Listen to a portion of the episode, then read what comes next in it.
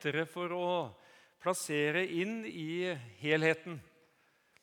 Men eh, som vi skal høre i teksten og i talen, så hadde ikke de to første høytidene hatt noen funksjon hvis ikke vi hadde hatt pinse. Det må vi tenke på, og det må vi takke for. Nå har vi eh, et eh, høytidsvers knyttet til hver av de andre høytidene. Og vi har det også til denne høytiden. Det er nok eh, den som er minst kjent av disse tre høytidsversene. Men vi prøver allikevel. Den her kommer opp her. O lue fra Guds kjærlighet og visdom fra det høye. Jeg skal prøve å lede an i, den, i, den, i det ene verset. O lue fra Guds kjærlighet, o visdom fra det høye, som falt på dine vitner ned Gi oss til troens øye. Om livets ord vi samles her, vis oss at Kristi løfte er et evig ja og amen. Vår Frelser ved Guds høyre hånd og send oss nå din Helligånd. Velsign oss alle sammen. Jeg har tidligere gitt uttrykk for at jeg syns det er kjekt å se dere alle sammen. Men jeg har lyst til å trekke spesielt fram vår forsamlingsleder, Hans Kirkholm, og kona Reidun, som er her. Dere som går her eh, fast, dere vet at Hans han eh, er sykemeldt for tiden. Men eh, desto mer kjekt var det å se deg her, Hans. Og vi vil fortsette å be for deg, at du snart må få helse og krefter igjen. Takk, Herre Jesus, for at vi får lov til å vende oss til deg i takk og bønn for pinsens store under. Vi takker deg for at du er midt iblant oss ved din ånd, ved ditt ord. Og du er her sjøl, Jesus, for å møte hver enkelt av oss. Vi takker deg for det vi har fått være med på her, noe av et stort nådens under. Vi ber om at du må velsigne Håvard og familien. Vi ber også for Hans Jesus, at du må velsigne han og gi han kraft og styrke. Reidun og familien ellers. Og du vil også velsigne de andre ansatte her i Salem, Sveinung og, og Magnhild. Vi overgir oss alle i dine hender og ber om en velsignet stund videre. I Jesu navn. Amen. I Johannes 14, fra vers 15 til 21, får vi da dagens evangelium. Dersom dere elsker meg, da holder dere mine bud. Og jeg vil be Faderen, og han skal gi dere en annen talsmann, for at han skal være hos dere for evig. Sannhetens ånd, som verden ikke kan få, for den ser ham ikke og kjenner ham ikke. Dere kjenner ham, for han blir hos dere og skal være i dere. Jeg skal ikke etterlate dere farløse. Jeg kommer til dere. Ennå en liten stund, og verden ser meg ikke lenger. Men dere ser meg, for jeg lever, og dere skal leve. På den dag skal dere kjenne at jeg er i min far, og dere i meg, og jeg i dere. Den som eh, har mine bud og holder dem, han er den som elsker meg. Og den som elsker meg, skal bli elsket av min far. Og jeg skal elske ham og åpenbare meg for ham. Amen. Det er ikke lett å miste sin far i ung alder. Far han står for eh, noe trygt og sterkt i, i barnets verden. Derfor så blir det et stort tomrom når far blir borte. i samfunn med en enklere struktur enn det vi har her i landet, så er dette enda mer katastrofalt. Fordi far der innebærer enda mer av sosial trygghet og økonomisk styrke. Og Slik var det også eh, på Jesu tid i Israel. Tidligere denne skjærtorsdagskvelden så har Jesus fortalt disiplene sine at eh, han skal eh, gå bort fra dem. Og Det har sendt da sjokkbølger inn i disippelflokken. De har nå vært sammen med Jesus i tre og et halvt år. Og de har blitt så avhengige av han at det, det å skulle miste han, det var omtrent som å miste sin egen far. Ja, mer enn det. Det blir som å miste sin Messias, sin frelser og talsmann. Talsmann det er jo et ord som vi bruker i enkelte sammenhenger også i dag. Det betyr i denne sammenhengen en som er tilkalt i en vanskelig sak for å hjelpe, trøste, veilede. Vi kan kanskje sammenligne med en advokat, selv om vi kanskje ikke har så mye personlig erfaring av det. Men eh, hvis en er i en eh, vanskelig situasjon og ting må opp i retten, så må det jo være fantastisk å kunne ha en advokat ved siden av seg som gjør det han kan for å tale din sak. Jesus han eh, var den første talsmannen. Han hjalp disiplene til å bli bedre kjent med Gud. De hadde ikke evne til å forstå Gud på den måten som Jesus kunne presentere ham som. Han sa det så sterkt, Jesus, at 'den som har sett meg, han har sett Faderen'. Så lær meg å kjenne og bli kjent med Gud. Han ba også til Gud for dem. Det har vi jo et flott eksempel et par-tre kapitler seinere. Det som vi kaller for Jesu ypperste prestelige bønn. Hvor Jesus, før han led og døde, ba om at de måtte bli bevart i troen. Blitt bevart i enheten med hverandre og enheten med Gud. Og For det tredje så forsvarte Jesus dem. Han forsvarte dem overfor eh, vanskelige mennesker. Husker dere den eh, situasjonen hvor eh, Jesus og disiplene gikk gjennom en åker? Og så plukket disiplene noen aks og tok korn og spiste det. Men så var det på en sabbat. Og så var det noen av disse skriftlærde og fariseerne som murret. Hvem var det som førte ordet? Ikke Peter, ikke Jakob, ikke Johannes, men det var Jesus. Han tok ordet, stilte seg foran dem og forsvarte dem. Og Jesus han forsvarte dem også overfor den onde selv, overfor djevelen. Det sier han spesielt til Peter. At eh, Satan han eh, ville prøve å, å sikte eh, dere som med hvete, som en gjør med hvete. Men jeg ba for deg, sier Jesus, at din tro ikke måtte svikte. Dette var de blitt vant til. Jesus han var deres mester og herre, deres rabbi, Messias, talsmannen. Og så skal han gå bort ifra dem. Så skal han ikke lenger være sammen med dem. Så skal han overlate dem til seg sjøl. Men Jesus han trøster det så fint. Jeg skal ikke etterlate dere farløse. Jeg kommer til dere. Jeg kommer til dere, sier han. Jeg skal riktignok ikke være synlig iblant dere framover, men dere skal likevel se meg, likevel erfare meg troens, med troens sanser gjennom sannhetens ånd. For jeg lever, og dere skal leve. Jeg lever, og dere skal leve. Jesu oppgave som talsmann den har ikke sluttet av, selv om han ikke er synlig til stede iblant oss. Han er de troendes talsmann ved Faderens høyre hånd, leser vi spesielt i 1. Johannes brev 2, syns jeg det blir uttrykt så fint. Mine barn, dette skriver jeg til dere for at dere ikke skal synde.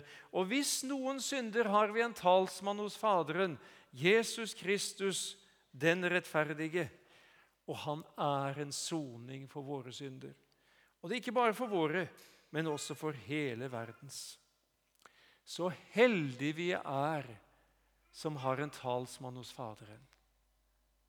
Har du takka for det i det siste? Når du kjenner deg anklaget, når du ser at du ikke holder mål på en eller annen måte, så skal du tenke på at du har en talsmann hos Faderen, Jesus Kristus. Den rettferdige. Han er fullkommen. Han er feilfri.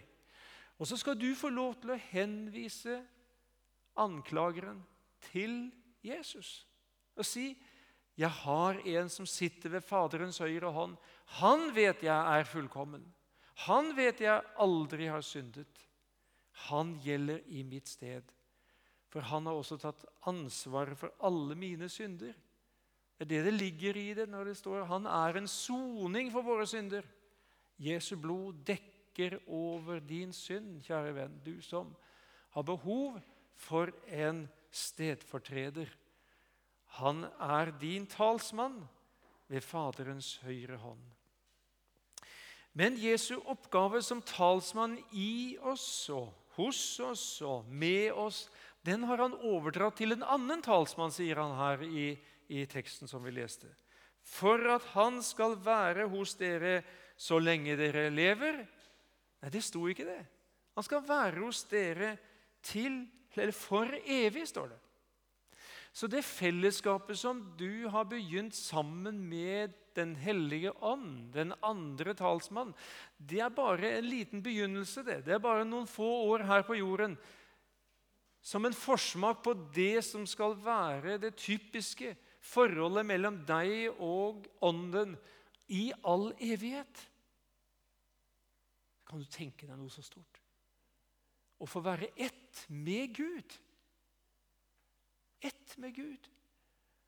Jeg som synes jeg er så forskrekkelig langt ifra hvordan Gud er. Jeg har allerede blitt forenet med Han i troen. Og så er det en forsmak på hva som er i vente. Dette som begynte på pinsedag, det var noe mye bedre enn det som disiplene til nå hadde opplevd. Vi har jo lett for å tenke at eh, de som gikk sammen med Jesus her på jord, de hadde optim den optimale erfaring av fellesskapet med Jesus. Tenk å høre ham. Tenk å se ham med øynene, betrakte ham, ta på ham, røre ham med hendene det er uttrykk som vi finner i 1. Johannes brev 1.1. Kan det tenkes noe større enn det? Vi som kanskje sliter med troen av og til. Har vi ikke ønska oss en sånn situasjon? Det å liksom å, å se han, høre han, ta på han. Men så sier Jesus det er til gagn for dere at jeg går bort. Ja, det er ikke lett å forstå Jesus alltid.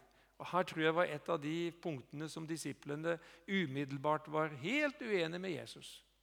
De skjønte ikke at det var til gagn for dem at han gikk bort. Og Det er ikke sikkert at du og jeg heller skjønner det alltid. At det er til gagn for oss at Jesus er usynlig for oss.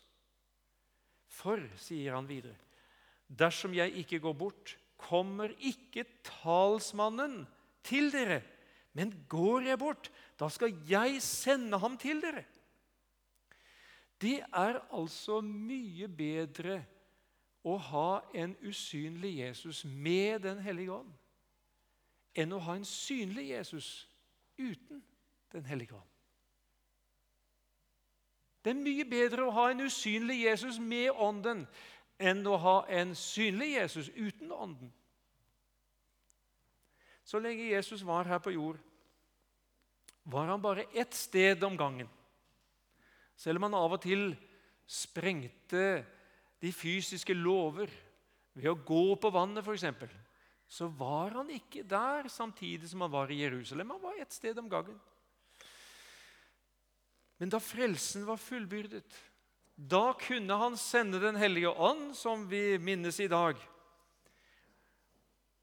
Og da tok Den hellige ånd, og med han Jesus bolig i hver troende over hele jorden. Der evangeliet blir forkynt og tatt imot, der er Jesus til stede. Så på en måte så mangfoldiggjør Jesus seg sjøl. Han er ikke bare en, et sted lenger. Han er overalt hvor det er troende mennesker. Den hellige ånd han er like evig som Gud Fader og Guds Sønn. Men eh, i Det gamle testamentet så virket han mye mer begrenset. Han virket først og fremst gjennom helligdommen, tabernakelet og tempelet. Og han virket gjennom utvalgte redskaper, slik som gudfryktige konger, yppersteprester og profeter. Det var de vant til. Sånn var det. Derfor måtte de reise opp til de store høytidene i Jerusalem for å møte Gud på en spesiell måte. Men etter at Jesus hadde fullført Guds frelsesplan, så kunne Ånden gis til alle troende, ikke bare Israel, men overalt hvor mennesker tar imot evangeliet i tro. Det var det som ble demonstrert på pinsedag. Og La oss høre litt ifra pinseevangeliet, Apostelens gjerninger 2. Og da pinsefestens dag var kommet, var de alle samlet på samme sted pinsefest. Det var en av de tre store høytidene det, i Israel. 50 dager etter påske. Det var den dagen de, de eh, takket Gud for kornhøsten. For da de sår om høsten og høster om våren i Israel. Det er mye varmere klima enn det vi har. Og så takket de Gud for grøden som nå kunne tas inn. Samtidig så ble det en minnehøytid med takk til Gud for loven, for Sina i pakten. Men nå, nå blir denne kornhøstens høytid en innhøstning av noe som er blitt sådd på en helt spesiell måte. For nå er det altså Jesus som er hvetekornet som har blitt lagt i jorden, som for alvor bærer frukt. I form av at Den hellige ånd kommer til jorden, til alle på en ny måte, og mennesker blir frelst.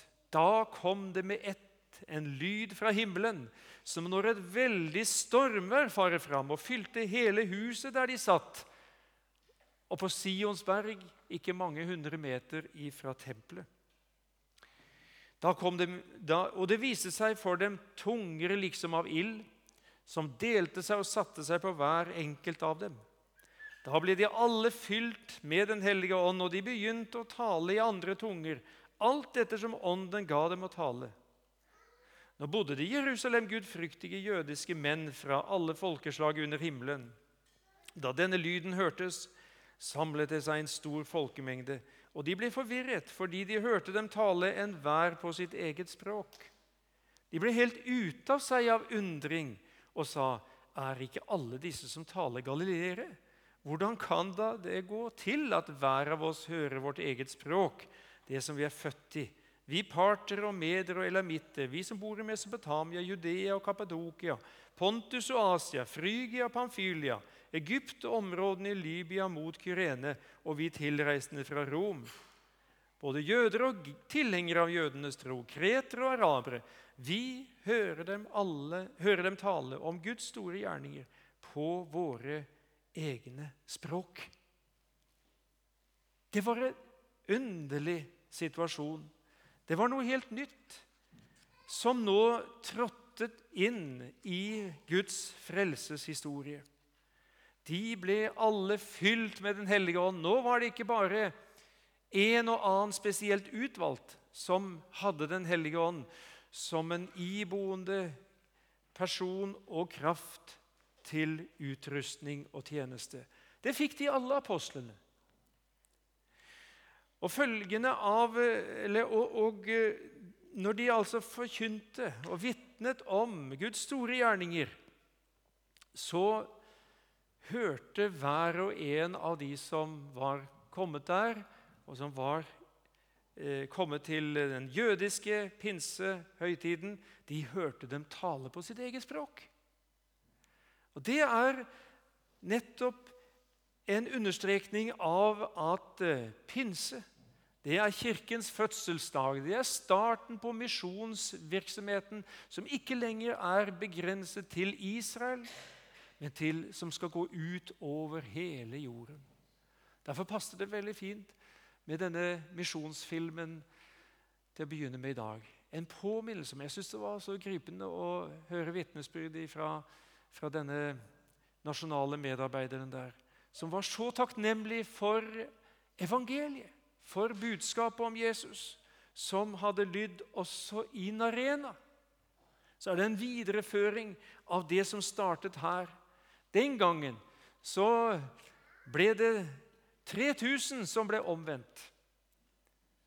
Og så er det blitt mange millioner som har kommet til tro seinere. Det ble en vekkelse kan vi si, der i, på første pinsedag. Det stakk dem i hjertet når de hørte Peter vitne om Jesus, som de hadde behandlet så fullstendig feil i forhold til den han var.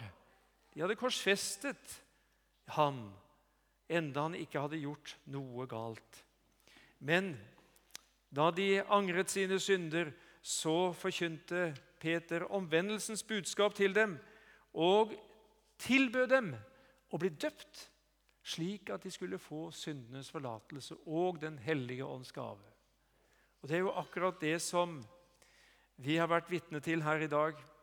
Så det var veldig fint å ha dåp på første pinsedag. Siden den gang så har enhver som er blitt døpt eller kommet til tro på Jesus, er blitt døpt til med én ånd til å være ett legeme, som det står i 1. Korinterbrev 12,13. De har blitt døpt med Den hellige ånd.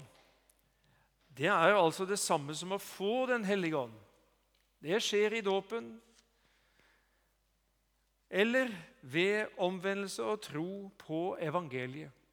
Slik vi får det demonstrert i Kornelius' hus, da Peter ennå talte disse ord, så falt Den hellige ånd på dem som hørte ordet.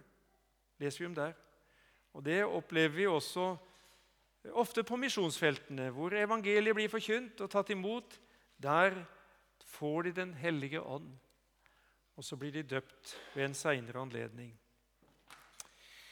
Det er eh, noen som knytter åndsdåpen til en spesiell opplevelse seinere i kristenlivet. Eh, og det, hvor de da mener at eh, en, det bør følge tungetalens nådegave til en slik opplevelse. Og nå er det mange opplevelser i en kristens liv. Han gir også Den hellige ånd Eller han gir nådegaver eh, på forskjellige måter. Det gjør han. Men eh, du som har tatt imot Jesus i tro, du er døpt med Den hellige ånd. Du kan med stor frimodighet si det, for du har fått Den hellige ånd. Du skal få lov til å ta imot Guds gave, enten han gir den eller den nådegaven. For eh, som det står i slutten av 1. Korinterbrev 12.: Har vel alle nådegaver til å helbrede, taler vel alle med tunger, kan vel alle tyde dem? Gud gir oss ulike nådegaver. Ikke, det er ikke bare den ene som er forbeholdt eh, det er den som er, har fått Den hellige ånd. Hva er Den hellige ånds oppgave? Jo, han skal hjelpe oss, han også. Han er talsmannen, den andre talsmannen. Han skal hjelpe oss til å forstå oss sjøl som syndere og Jesus som vår frelser. Det er Jesus mer inne på i kapittel 16 i Johannesevangeliet, hvor Den hellige ånd han skal overbevise verden, altså de vantro, om synd og om rettferdighet og om dom, sier han der. Men sagt på en annen måte, Når du får dårlig samvittighet for noe du virkelig har gjort galt, da er det Den hellige ånd som virker i ditt liv. Og når han da fortsetter med å henvise deg til Jesus og forteller deg at det du trenger nå, syndernes forlatelse, det ligger klart for deg i Jesus, da er det Den hellige ånds gjerning. For han skal forherlige meg, sier Jesus, eller herliggjøre meg. Det vil si, han skal altså hjelpe deg og meg til å ha fokus på Jesus. Til å vende blikket bort ifra oss sjøl og ifra synden til Jesus, han som er kommet for å frelse oss fra våre synder. Det å bli opptatt med Jesus, det er Den hellige ånds gjerning. Det kan du være sikker på. Han vil at du skal bli mer og mer avhengig av Jesus. For det andre så ber Den hellige ånd for oss. Han ber til Gud fra vårt eget indre. Vi har hørt at Jesus han ber for oss ved Faderens høyre hånd. Men eh, om eh, Ånden står det i Rombrevet 8. For vi, her kommer også Ånden oss til hjelp i vår skrøpelighet. For vi vet ikke hva vi skal be om slik vi burde det. Men Ånden selv går i forbønn for oss med sukk som ikke rommes i ord. Det er ikke noe poeng i seg sjøl å klare å sette ord på alt det du trenger. Selv om det kan være godt og fint og riktig. Men om du ikke klarer det, så skal du få lov til å vite det. Det er en som bor her inne. Den hellige ånd bor der. Han kjenner deg mye bedre enn du kjenner deg sjøl. Han bærer din nød fram for Gud for at du skal få det du trenger, før du er i stand til å sette ord på det sjøl. Er ikke det trygt og godt å vite? Og For det tredje så utruster han oss med åndelig kraft og nådegaver, slik at vi skal kunne lede ikke-kristne mennesker til troen, og for at vi skal kunne hjelpe hverandre, vi som tror på Jesus. Før Jesus for opp til himmelen, så sa han det slik.: Dere skal få kraft idet Den hellige ånd kommer over dere og dere skal være mine vitner. Det er, det er vårt primære oppdrag som kristne her på jorden. Vi skal vitne om Jesus. Vi skal fortelle videre til andre hva vi har sett og hørt og opplevd sammen med han. Hva vi har lært om Jesus gjennom Guds ord. Og I den sammenhengen er det Den hellige ånd vil gi oss den kraft vi trenger. Det er underlig Den hellige ånd har vi vel vanskeligst for å forestille oss. Det er mye lettere å forestille seg Gud Fader og Jesus Kristus. Men allikevel så er det Han vi er mest avhengig av. Uten Guds ånd så er vi åndelig døde. Uten Guds ånd så er det ikke noe åndelig liv i denne forsamlingen heller. Uansett hvor mye vi arrangerer. Da blir det bare aktivitet uten betydning for evigheten. Uten Den hellige ånd så er det umulig å komme til tro og å bli bevart i troen. I Zakaria 4 står det at 'ikke ved makt og ikke ved kraft', men ved min ånd, sier Herren, herskarenes Gud. Det sa profeten da Guds hus skulle bygges opp igjen. Men det gjelder like mye for deg og meg individuelt og for vår forsamling her i dag. Det sies så fint om den første menighet. Den ble oppbygd og vandret i Herrens frykt og vokste ved Den hellige ånds hjelp, står det. Og slik skal det også bli åndelig vekst i dag om Den hellige ånd får slippe til. Jeg har heldigvis fått oppleve og erfare det mange ganger, at Den hellige ånd har kommet nær. Både her i Salem og i andre sammenhenger. Og Da har jeg av og til tenkt, og jeg har opplevd det spesielt godt Det var jo sånn vi skulle hatt det hele tiden. Det var sånn vi skulle hatt det hver gang. Hver dag. Og er det nettopp eh, det som ikke er en selvfølge. Ikke fordi Jesus er tilbakeholden, ikke fordi Den hellige ånd er nølende mot å møte oss, men fordi det ikke alltid er åpning her. Det kan jeg i hvert fall si for min egen del. Det er Derfor det er så viktig at vi minner hverandre om det at vi er like hjelpeløse hver gang vi samles om Guds ord Derfor er det så viktig å be om at Ånden må falle over oss, at Den hellige ånd må komme oss nær og røre ved våre ører og våre sanser og ved vårt hjerte, slik at vi kan få et møte med Jesus. Det er det han så gjerne vil. Hvordan blir vi fylt av Guds ånd? Ja, ikke ved noen Eh, spesielle opplevelser i seg sjøl.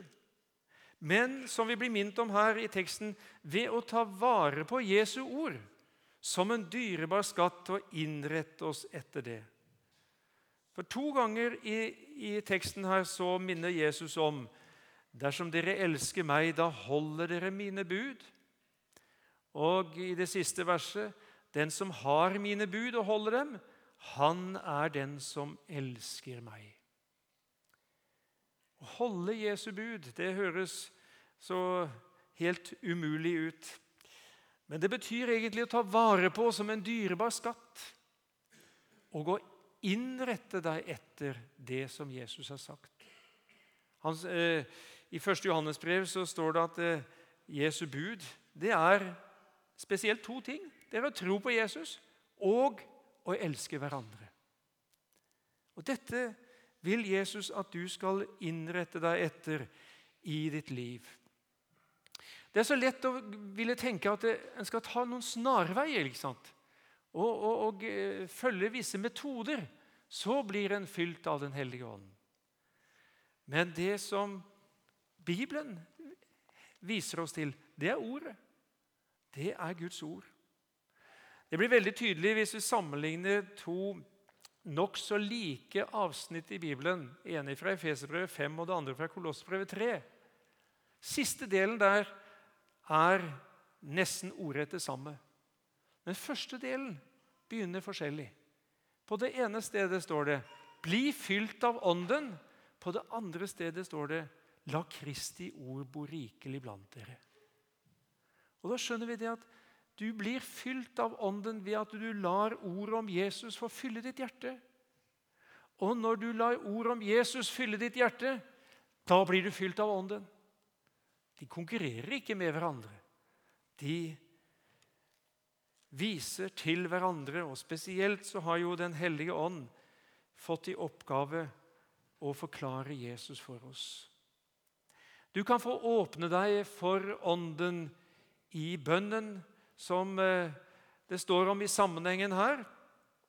Hva som helst dere ber om i mitt navn, det skal jeg gjøre, sier Jesus.